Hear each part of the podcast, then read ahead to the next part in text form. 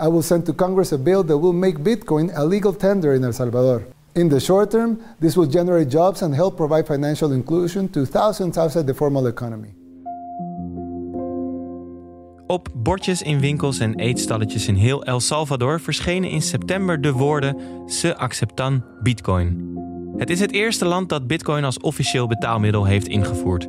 China heeft al een eigen digitale munt waar onze atleten tijdens de Spelen mee mogen experimenteren. En ook de Amerikaanse Centrale Bank, de Fed en onze ECB zijn bezig met digitaal geld. Maar maakt El Salvador de droom van Bitcoin-aanhangers waar? Van een gedecentraliseerd en extreem democratisch betaalmiddel dat zich onttrekt aan de huidige financiële wereldmachten? Of zit er een addertje onder het gras?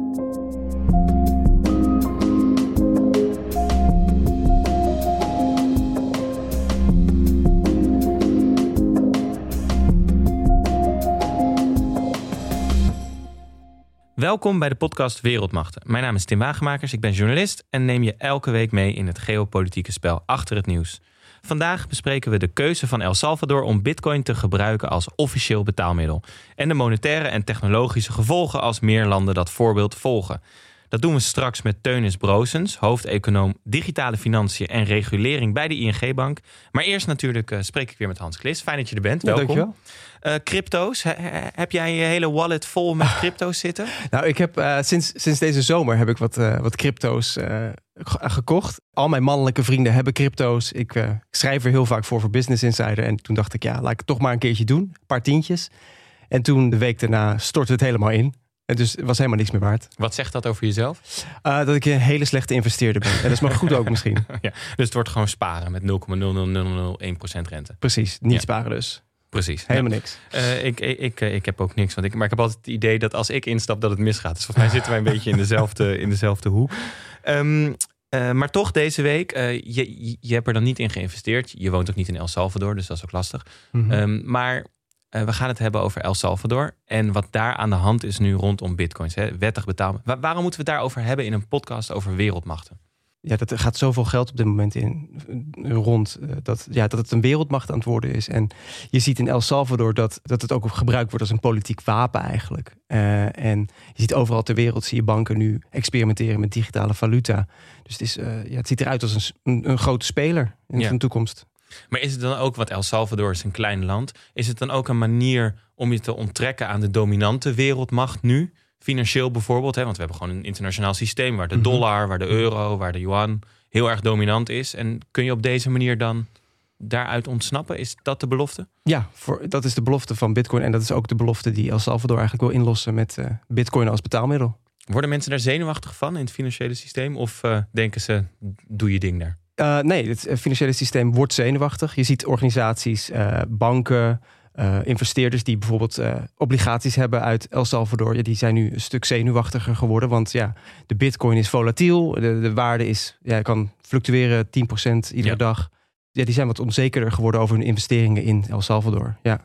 Misschien moeten we het even rustig proberen af te pellen wat er nou dan gebeurt in El Salvador en waarom dit überhaupt aan de hand is. Want daar gaan we het vandaag over hebben. We gaan het niet hebben over hoe cryptovaluta gemaakt worden of hoe de blockchain precies werkt, uh, maar wel over waarom El Salvador dit nu doet. En misschien moeten we dan beginnen met hoe ziet dat er nou uit in El Salvador? Want Bitcoin is een wettig betaalmiddel. Je woont daar. Pin je nu bitcoins? Ja, ja, je kan uh, dollars uh, omzetten uh, in bitcoins en andersom via een app, Chivo, dat betekent cool. En ook met speciale pinautomaten daar. En sinds 7 september, want dan, daar begint eigenlijk dit verhaal, is bitcoin in El Salvador een officieel betaalmiddel geworden. En je ziet dus iedereen van straatverkopers tot de McDonald's en de Starbucks daar, die hebben nu een mogelijkheid waarmee je dus met die app, met die Chivo-app, via een QR-code geld kan betalen eigenlijk. Je kunt ook nog cash betalen, maar het bestaat nu naast elkaar. En cash in El Salvador is altijd de dollar. Ja, en moet ik dan begrijpen dat... Kijk, bij ons heb je, heb, je, heb, je, heb je goud, dat ligt in de bank. Weet je wel, dat is één manier om waarde te geven. Heeft dan nu de regering van El Salvador bitcoin gekocht... waar je dan als inwoner een stukje van kan pinnen, zeg maar? Is, ja. Moet je het zo zien? Want bitcoin is duur. Ik, ik, ik, kan niet zomaar een bitcoin kopen. Dat kost me een miljoen ondertussen. Ja. nou ja, wat is het? Uh, of kan, ja, ja, dat kan, dus... voor je opzoeken. Ja, maar als de podcast uitgezonden wordt, kan het weer gefluctueerd. Nou in ieder geval, het, dat zijn soms hoge bedragen. Ja, ja. Uh, El Salvador is een extreem eigenlijk arm land, corrupt. Uh, heeft, niet eens dus een eigen, heeft niet eens een eigen munt. Want in 2001 hebben ze de dollar gekregen. Ja, in de afgelopen maanden heeft, dat, heeft, die, heeft die leider, die, die, regering, heeft iets van 1120 bitcoins gekocht. Dus dat zijn tientallen miljoenen euro's. Die hebben ze dus eigenlijk opgeslagen. En daar, dat is eigenlijk een soort van de basis van het systeem wat ze nu hebben. Uh, via de app kun jij dollars uh, op een account zetten of bitcoin op een account zetten. Die, en uh, het is allemaal virtueel. Maar uiteindelijk beheert de staat beheert die bitcoin. Ja, ja, ja, ja. En waarom, want dat is dan toch eigenlijk wel de vraag, waarom wil El Salvador dit? Waarom is het voor hun belangrijk om het op deze manier te gaan doen? Nou, sowieso is het een groot prestigeproject eigenlijk van, van de president. Dat, maar daar komen we zo later op terug. Maar El Salvador heeft uh, dus de dollar eigenlijk al hele lange tijd als nationale valuta. Ze hebben geen eigen munt die ze kunnen, geen eigen biljetten die ze kunnen nee. drukken. Dus ze zijn eigenlijk altijd afhankelijk de afgelopen twintig jaar geweest van die dollar. Van import van dollar, van dollars, uh, leningen. En belangrijkste nog, ze zijn afhankelijk van uh, eigenlijk geld wat naar binnen stroomt via de diaspora. Uh, een kwart van de El, Salvadorianen woont in Amerika en stuurt ieder jaar 4 tot 6 miljard dollar naar familie. En dat gaat dan via banken, transfers, via Western Union. En uiteindelijk wordt daar heel veel geld eigenlijk van afgehaald uh, aan fees, transactiekosten. Dat is dus geld wat niet El Salvador bereikt. Maar, maar om het dan even goed te snappen, want kijk, ja. in Europa hebben we de euro. Mm -hmm. Als iemand mij euro stuurt uit uh, Duitsland, dan gaat daar niet een enorme fee overheen. Want dat is juist de reden waarom we die euro hebben. Hoezo is dat dan voor El Salvador anders met de dollar? Is het dat zij maar een beperkt. Zij kunnen dat zelf niet printen of uitgeven. Dus zij moeten dat echt gewoon krijgen om hun banken te kunnen bevoorraden. Ja, het Amerikaanse. En daar rekent Amerika geld voor. Ja, Amerikaanse banken. Ja, ja. Het hele, ik, heb er, ik bedoel, ik heb er gewoond jarenlang. Ik heb ook een Amerikaanse bankrekening gehad. Het is gewoon, een uh, it's a mess. Het is gewoon, je betaalt heel veel geld. Zelfs als je gaat pinnen, als je over gaat maken, dan duurt het heel lang. Soms duurt het dagen voordat een overmaken van een bedrag uh, aankomt waar het moet zijn.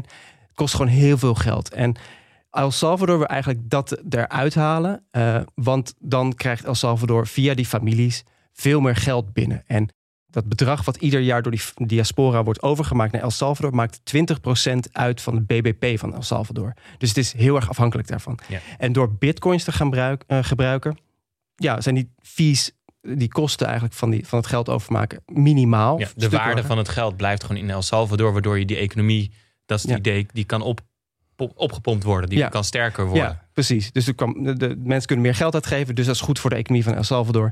En dat is het idee van uh, de bitcoin eigenlijk, die introductie. Ja. Ja, tegelijkertijd, dat zie je ook wel op andere plekken. In, in GroenLinks Amsterdam heeft uh, in hun verkiezingsprogramma ook staan dat ze een lokale munt willen. Omdat ze zeggen, hè, als ondernemingen zelf uh, dat, dat geld intern kunnen houden als stad, dan lekt dat geld niet weg. Dat is goed voor de economie. Alleen, dat is gewoon een reguliere munt, zeg ik tussen aan. Dat werkt een beetje als een waardebon. Weet je wel, zoals je vroeger de boekenbon had. Uh, je koopt ergens een waarde, die kun je inwisselen op een aantal plekken. Waarom doen ze dat niet? Waarom is het dan een crypto-munt geworden? Waarom hebben ze niet een eigen munt, een ouderwetse munt gemaakt? Ik denk dat El Salvador heel erg wil meeliften met uh, die, ja, die hele hype rondom Bitcoin. En eigenlijk het doel van die Bitcoin is ook, dus naast meer geld krijgen, ook eigenlijk om die ondernemers uit Amerika naar Canada te trekken, die allemaal weet je, allerlei gekke crypto dingen verzinnen. Om die naar El Salvador te krijgen, zodat daar ook nog meer investeringen ja, ja. naar het land toe gaan. Dus het is ook meedoen aan de hype in de hoop aantrekkelijk te zijn voor dat soort bedrijven. Ja, um, in, jouw, in, jouw, in jouw onderzoekje deze week, hè, in, in, in alles wat je gelezen hebt, kwam ook de naam langs van Nayib Bukele. Ja, dat ik is... weet niet of ik zijn naam goed uitspreek, maar wie is dat? Uh, Nayib Bukele Ortiz, of Ortez, dat is de president van uh, El Salvador. En hij is eigenlijk de motor geweest achter de, die, die implementatie van, van, van Bitcoin in het land. In begin juni sprak hij op een Bitcoin-conferentie in Miami en daar kondigde hij aan: wij gaan Bitcoin gebruiken als betaalmiddel. En dat ja, groot nieuws. Hij had het ook met niemand besproken. Het bleek ook dat hij uh, geen gesprek had gevoerd met banken of met vakbonden in, in uh, El Salvador. Dus het was, kwam helemaal uit de lucht vallen. En dat is heel typisch voor, voor uh, Bukele. dit is een soort van man die zichzelf CEO, CEO van El Salvador noemt. Maar anderen, zoals de Economist, noemen hem de, de millennial dictator. Hij is iemand die heel graag dingen meteen zelf doet. Omdat hij het eigenlijk niet gedaan krijgt. Een soort schrikbeeld van e- Elon Musk aan het hoofd van een land. zeg maar, nou, als ik iets wil, dan twitter ik het gewoon en dan doet het iets met de koers. Ik vergeleek het al een beetje met Jeff Bezos en Elon Musk. Want die, hebben die, die, die sturen penisraketten de, de ruimte in. En hij, uh, Bukele, heeft een land. En daar, weet je, dat is zijn speeltuin. Ja, hij is ook een beetje autocratisch, is die.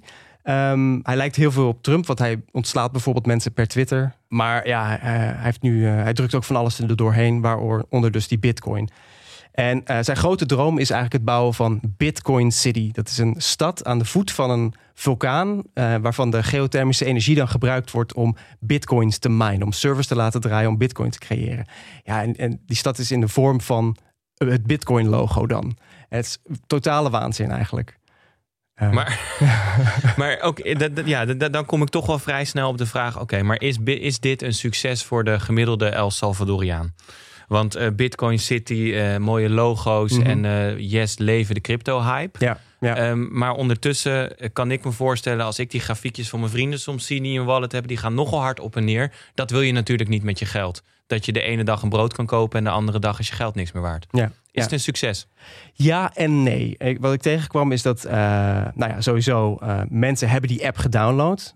Mensen hebben, die, ze kregen ook 30 dollar om zich aan te Starten melden. goed. Starten goed. En nou ja, een heel groot deel van de gebruikers heeft gewoon meteen die 30 dollar gepakt en gewoon weg, is weggegaan ermee. Die heeft niks gedaan met die wallet. Maar uiteindelijk is die wallet wel 2, 2 miljoen keer gedownload. En er zijn 6,5 miljoen mensen in El Salvador. Dus het is redelijk succes. Het werkt in Starbucks, bij de straatverkoper, die soms ja, ook liever gewoon wel cash wil. Maar ja, ze hebben ook die app. Uh, mensen hebben wel inderdaad hun, hun, hun inkomen zien dalen, uh, maar ook zien stijgen. Ik bedoel, dat is ook de, de aard van de bitcoin, gaat op en neer. Maar wat je dus vooral wel zag, is dat er heel veel identiteitsfraude was bij, de, bij de implementatie op, op 7 september. Want heel veel criminelen gingen gewoon identiteitsfraude plegen en die gingen zich de hele tijd aanmelden onder andermans naam en die inden dan die 30 dollar je hebt, wat, waar we begin al over hadden, is die kredietwaardigheid van, van El Salvador is afgenomen. De kredietbeoordelaars zoals Fitch, uh, Moody's, S&P, die dus zeggen hoe betrouwbaar uh, een land is als, als, als lener. Ja, die hebben gezegd nee, dat is, uh, dat is slecht voor, de, voor het land. en bovendien, het IMF heeft ook, het Internationaal Monetair Fonds was het hele jaar al in onderhandeling eigenlijk met Bukele, met El Salvador voor een lening. Want het, het is natuurlijk een heel arm land. Uh, voor 1 miljard dollar of zo. En ja, die, die hebben gewoon die onderhandelingen gestaakt. Die, uh, ja, hij is autocratisch en die bitcoin is niet te vertrouwen. Dus ze hebben zich teruggetrokken. Dus ja, eigenlijk heeft El Salvador zich ook een soort van in de eigen voet geschoten daarmee. Wat leert dan um, bitcoin en de situatie in El Salvador ons ook rondom misschien uh, meer landen en steden die aan crypto's gaan doen? Hè? Want, want zij zijn niet de enige. En aan het begin zeiden we al, het is ook een soort politiek middel geworden om je misschien wat te onttrekken aan nou ja, de dominantie van de dollar zoals die op Amerikaanse leest geschoeid is. Uh, het hele, ik heb altijd geleerd, waarde en geld, daar gaan we zo met Teunis ook over doorpraten, is gebaseerd op vertrouwen. Dus als heel veel mensen daarvan afstappen of landen, dan doet dat iets met het systeem. Zijn er al lessen te trekken uit El Salvador? Want andere landen willen het ook. Een van de grootste meters van succes is natuurlijk eh, wie volgt El Salvador? Nou, niemand heeft El Salvador nog uh, ja, nagedaan. Niemand heeft nog het vertrouwen kennelijk om ook het, dezelfde stap te wagen. Een hele grote vraag is eigenlijk waarom doet El Salvador dit echt? Want het is eigenlijk een, het is een beetje hype, het is een beetje het is onduidelijk, is, weet je, die bitcoin is onbetrouwbaar. En wat zijn de antwoorden die je dan tegenkomt op die vraag? Heel veel mensen denken eigenlijk dat die hele bitcoin eigenlijk een soort van een afleiding is voor wat Bukele eigenlijk met het land aan het doen is. Ik, bedoel, we hebben het al, ik heb het al gezegd, uh, hij is een autocratische leider. Hij krijgt eigenlijk niet zo heel veel gedaan zonder ja, zijn wil door te drukken. Het is een afleidingsmanoeuvre. Weet je, kijk eens, wij, zijn, wij worden rijk met Bitcoin. En het is ook een manier voor uh, El Salvador, omdat alles gaat, al die, al die betalingen die nu uit Amerika komen, gaan nu via die app. Ja. En die app is van de overheid.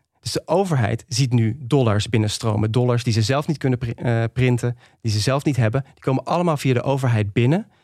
En dat is gewoon een manier om eigenlijk die geldstroom te centraliseren. Machtsconcentratie. Ja, ja. en dat is denk ik uh, misschien wel het belangrijkste. Daarmee tegelijkertijd proberen ze zich daarmee ook los te weken aan de dollar. Want de dollar die een El Salvadoriaan op zijn telefoon ziet staan, is niet een echte dollar. Hè? Als ze bitcoin storten, dan is dat eigenlijk een andere crypto. Dat is een tether. Dat is een crypto die gekoppeld is aan de dollar. Dus eigenlijk verdwijnen die dollars bij de overheid. En de El Salvadoriaan heeft niet een echte dollar in handen als hij daarmee betaalt. Nee, maar misschien wel de illusie dat het zo is. en 30 euro starten goed. We, we, gaan erover doorpraten uh, wat dat doet ook met het internationale monetaire systeem.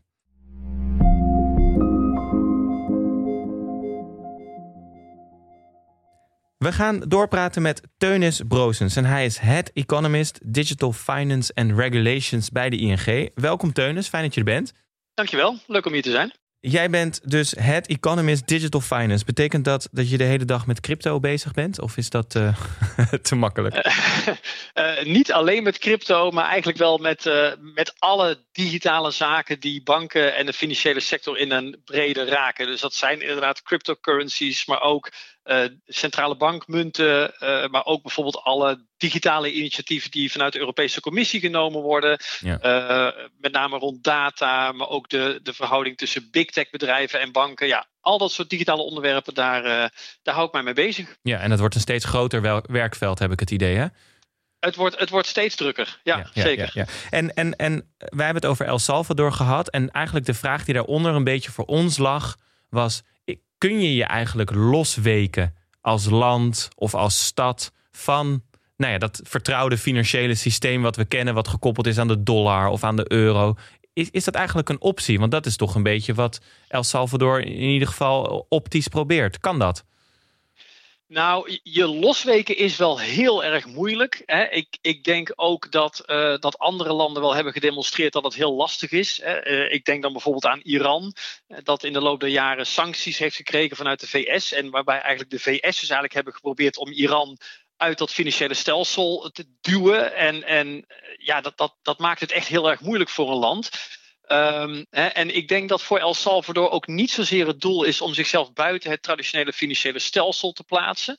Um, kijk, één reden waarom El Salvador uh, naar die bitcoin is gaan kijken, is dat het land heel erg afhankelijk is van uh, geldzendingen. Hè. Er wonen redelijk wat El Salvadorianen in uh, de Verenigde Staten. Ja. En die sturen ieder jaar geld naar huis. En dat is echt een geldstroom ter grootte van een vijfde van de omvang van de Salvadoriaanse economie. Dus dat is behoorlijk. En uh, via de traditionele kanalen uh, zitten daar behoorlijke, worden daar behoorlijke kosten voor gerekend. Dan heb je het al gauw over 5 tot soms wel 10 procent ja. van het bedrag dat verstuurd wordt, uh, dat, uh, dat als tarief wordt gerekend. En um, als je zo'n geldstroom via Bitcoin zou kunnen laten lopen, uh, dan bespaar je waarschijnlijk een groot deel van die, uh, van die tarieven, omdat Bitcoin dat, dat veel goedkoper kan. Dus dan is niet per se het doel om helemaal uh, van die dollars af te komen, maar misschien om een dollar in Amerika om te zetten in een Bitcoin, snel en goedkoop naar El Salvador te sturen en daar dan eventueel weer terug om te zetten in, in een dollar. Dus uh, banken lopen daardoor eigenlijk uh, ja, een fee mis, transactiekosten en, en dergelijke. Worden, maar worden die banken bang voor wat El Salvador nu gedaan heeft? Of bedoel, nog, nog groter, landen, uh, financiële organisaties, worden die daar bang van? Nou, kijk, ik, ik denk dat er vooral met heel veel interesse uh, wordt gekeken. Um, hè, het zijn overigens zeker niet alleen banken hè, die, die bij die geldzendingen uh, die, die daar tarieven rekenen, maar het zijn uh, vaak ook niet-bankaire gespecialiseerde bedrijven hè, die, die die geldzendingen doen. Um, ja, die, die, die gespecialiseerde bedrijven moeten zich misschien wel een beetje zorgen maken. Maar ik denk verder is er vooral veel interesse van ja, uh, gaat dit werken? Uh, wat zijn de kinderziektes waar ze tegenaan lopen? En die prijs van bitcoin die gaat alle kanten op. Gaat dat niet eigenlijk zand in de, in de raderen strooien hier?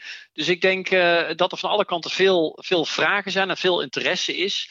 Um, je zag wel dat het Internationaal Monetair Fonds helemaal niet zo blij was hè, met deze ontwikkeling dat, dat, dat zit hem niet zozeer puur in uh, dat ze het niet zien zitten dat El Salvador geld bespaart op die geldzendingen. Want dat, dat erkent het IMF ook. Van god, dat kost veel geld en, en daar kan dit wel een oplossing voor zijn.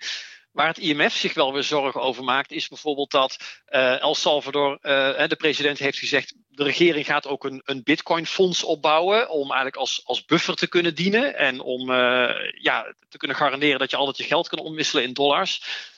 Dan gaat El Salvador dus bitcoin kopen. Nou ja, terwijl tegelijkertijd El Salvador, uh, ja, de overheidsbegroting is niet op orde. Er, er is al uh, een hulppakket van het IMF afgesloten aan het begin van de pandemie vorig jaar. Er wordt al een half jaar onderhandeld over een nieuwe IMF-steun. En ja, als je als overheid bitcoin koopt, ja, dan stel je jezelf ook bloot als overheid natuurlijk aan al die koersschommelingen. dus ja, het IMF als potentiële geldschieter uh, vindt daar wel wat van. Ja, ja want, want je bent in die zin een minder betrouwbare partner misschien ook. Maar hoe moet je daar dan, als we het even buiten El Salvador brengen, hoe moet je daar nou als bank of land mee omgaan? Want crypto, ja, hoe ik het dan als leek heb meegekregen, is, is een hype en is interesse en iedereen wil eraan meedoen. En tegelijkertijd heb ik ook het idee dat banken daar heel lang toch een beetje van dachten: het is een hobbyprojectje, dat doen wat mensen, maar dat, dat, dat, dat zet niet fundamenteel het spel op de wagen. Is dat, is dat beeld nu anders? het beeld is wel, uh, is wel gekanteld de afgelopen jaren. Hè. Ik, ja, er is absoluut een hype. en ik denk ook van de nou ja, meer dan 10.000 cryptomunten die er zijn, uh, is er misschien een handvol die echt een lange termijn. Um, een toepassing heeft op lange termijn, behalve dat er nu in gespeculeerd wordt en dat er heel enthousiast over wordt gedaan. dus ik denk, ja, er is een hype, maar ik, ik probeer dat altijd wel los te zien van de mogelijke toepassingen die sommige cryptomunten misschien wel degelijk uh, kunnen hebben. En ik denk ook dat in de financiële sector die die interesse in die mogelijke toepassingen, die is er al wel een aantal jaar. Er wordt uh, door, door meerdere banken en in de financiële sector echt al jarenlang onderzoek gedaan. Hoe, hoe kunnen we dit nou toepassen? Uh, blockchain technologie en ja, later ook wel echt puur bitcoin en crypto. Uh, de nieuwste lood aan de boom is dan decentralized finance. Hè. Dus het is eigenlijk dat er niet alleen betalingen, maar dat er ook wordt gekeken, kun je andere financiële diensten zoals kredietverlening, kun je dat ook uh, hè, op een blockchain in een crypto-wereld brengen. dus die interesse die is wel serieus. Dat is geen garantie op succes, maar het betekent wel dat er, dat er heel serieus naar gekeken wordt. Ja, maar betekent dat dan ook uh, dat ik, ik, ik, ik zit bij de ING trouwens, dat, dat, dat ik de komende jaren iets rondom crypto ga krijgen aangeboden van de ING? Want alles is nu nog, zeg maar, in hoe mensen zich tot, tot banken verhouden, is toch traditioneel. Ik, ik, ik heb nog geen brief gehad overweeg een, een, cryptocurrency. Zeg maar, zie je dat veranderen in de toekomst? Dat banken daar ook een rol in gaan spelen? Dat zou kunnen. Uh, kijk, het, het zou kunnen dat banken in de toekomst ook cryptodiensten gaan aanbieden. Kijk, het zal zeker niet zo zijn eh, dat jij een brief krijgt van, nou, we gaan stoppen met de euro en uh, je moet maar in bitcoin gaan stappen. Dat, dat zal echt niet gebeuren. Het, het zou kunnen dat in de toekomst dat je als klant de mogelijkheid krijgt om ook iets met crypto te doen. Variërend van betalen tot uh, ja, misschien beleggen, uh, andere zaken. Uh, hè, ja, banken zijn daarin wel deels afhankelijk van de ontwikkeling van regelgeving. Want banken zijn ja, waarschijnlijk de meest gereguleerde instellingen uh, die we kennen. En het regelgevend kader rond Bitcoin is nog, en, en cryptocurrency in het brede, is nog sterk in ontwikkeling. Hè, en, en dat duurt nog wel anderhalf, misschien twee jaar voordat de regelgeving die nu in Europa wordt besproken, voordat die van kracht wordt. Uh, en, en eigenlijk de weg vrijmaakt, ook voor banken, om uh, dingen aan te gaan bieden, mochten ze dat willen. Zoals bijvoorbeeld uh, digitale euro's of digitale yuans, zoals de ECB en de, en de Centrale Bank van China over nadenken om dat te doen. Ja, die centrale bankmunten zijn, weer, zijn eigenlijk weer een, een, uh, een, een, een, verhaal apart. Ze hebben absoluut een link, maar het is ook weer een apart verhaal. Hè? Want deels zijn die centrale bankmunten juist ook weer een reactie op initiatieven in de private sector. En wat je een beetje zag is dat uh, nou, Bitcoin is natuurlijk alweer uit, uh, uit 2009. Uh, en inderdaad dat ook in de centrale bankwereld in het begin de reactie zo'n beetje was van... goh, ja, technisch best interessant. En het roept ook wel interessante abstracte vragen op over, hoe, over het monetaire stelsel. Nou, daar kijken we naar, maar verder uh, praktisch uh, nou, uh, zien we het niet zo groot worden dit. Um, en dat veranderde echt radicaal toen in 2019 Facebook zijn Libra-project aankondigde. De, eigenlijk, waarin Facebook eigenlijk zei: wij gaan wereldwijd op ons platform een munt lanceren. Uh, en toen schrokken centrale banken zich een hoedje, want uh, die dachten van ja, maar wacht eens even, dit kan echt groot worden. Want Facebook heeft de gebruikers en, en de financiële slagkracht en de mensen om dit een succes te maken en daarmee onze traditionele munten ehm, ja. ja. uit de markt te drukken, zo gezegd. Hè. En toen zijn centrale banken inderdaad begonnen aan, uh, heel hard begonnen aan eigen onderzoek naar centrale bankmunten. En we zitten nu op een punt.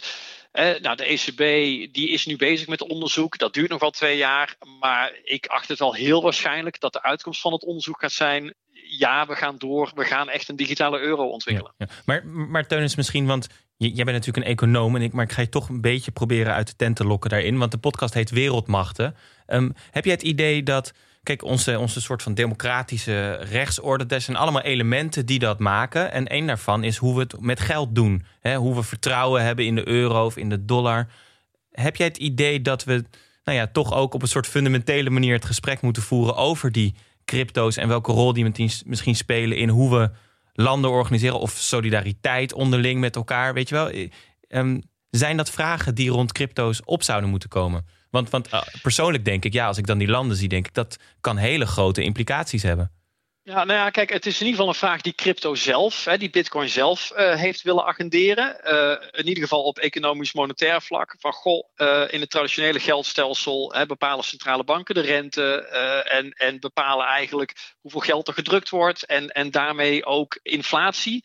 Ehm, hè, en ja, de filosofie van Bitcoin was vanaf het begin van ja, wij gaan die geldhoeveelheid gewoon vastleggen in de softwarecode waardoor er niemand, geen overheid en geen private partij uh, daar nog iets aan kan doen. Hè. Dus dat, daar zit wat dat betreft een heel andere filosofie uh, achter. Um, het interessante inderdaad is nu hè, met zo'n keuze van, van uh, El Salvador voor, voor Bitcoin. Uh, en tegelijkertijd de keuze van een aantal andere kleinere landen, zoals Nigeria, maar ook de Bahama's, uh, hè, om, om zelf al een centrale bankmunt uit te rollen, is dat je inderdaad ziet dat die eh, die wereld van de digitale munten sterk in beweging is. En inderdaad dat landen en Europa zeker ook en China eh, zich realiseren nu dat die munt sterker dan misschien voorheen een rol kan spelen in geopolitieke positionering. het is ehm, voor Europa een belangrijke reden voor Europa naast Facebook's Libra om naar die digitale euro te kijken, is eigenlijk de, ja, misschien de angst dat China zijn eigen centrale bankmunt, die eigenlijk al bijna af is en, en klaar is om gelanceerd te worden, dat die gebruikt gaat worden in een, in een eh, Belt and Road context. Dat, dat China die gaat gebruiken voor zijn eigen geopolitieke doeleinden. Dus munten zijn politiek geworden. Maar mag ik dan misschien, als ik dit heel kort samenvat, zeggen dat we jarenlang, hè, als je het hebt over invloedssferen en geld, hadden we de spelregels wel met elkaar afgesproken en de manieren waarop inflatie werkt en dat soort zaken. En dat staat nu toch een beetje de komende jaren misschien op via een andere route van die crypto's, van die blockchain op het spel. En, en dat gesprek, dat, dat, is, dat ligt nog onder de technologische mogelijkheden waarom uh, blokken als Europa en Amerika en ook Facebook als private partij daarmee bezig zijn. Er komen wat dit betreft eigenlijk een aantal zaken bij elkaar. Hè. Inderdaad, het, het feit, uh, cryptocurrency uh, als Bitcoin met name als decentrale munt, uh, big tech bedrijven die misschien een private munt gaan lanceren, uh, centrale banken die, die er nu naar kijken, maar natuurlijk ook de context van jarenlang een, een lage of negatieve rente, ja. waardoor dat gaat dan minder over betalen, maar dat gaat dan meer over de beleggingskant. En waardoor mensen toch ook een beetje onrustig worden dat hun spaargeld niet meer rendeert. ja, en, en dan nu eigenlijk hè, de laatste maanden de inflatie die oploopt, hè, wat dan ook weer een factor is. Hè. Dus, dus er zijn allerlei zaken die, die inderdaad wel allemaal het debat voeden hè, van ja, hoe zit het nou eigenlijk met dat geld? Uh, en en uh, wie gaat er nou eigenlijk over? Hè, waar, waar mensen zich normaal er misschien weinig mee bezighouden. En uh, kan dat ook anders? Nou, het antwoord is ja, dat kan heel anders. Uh, maar daar zitten dan weer andere voor- en nadelen aan. En dat debat is een heel belangrijk debat. Het is ook verdraaid ingewikkeld, maar wel een goed debat om te hebben. Ja, en nou, je, je hebt een fascinerende baan, Teunis. En volgens mij uh, de komende jaren zal die alleen nog maar belangrijker worden. Ontzettend veel dank voor deze uh, toelichting. Teunis Broosens. Graag gedaan.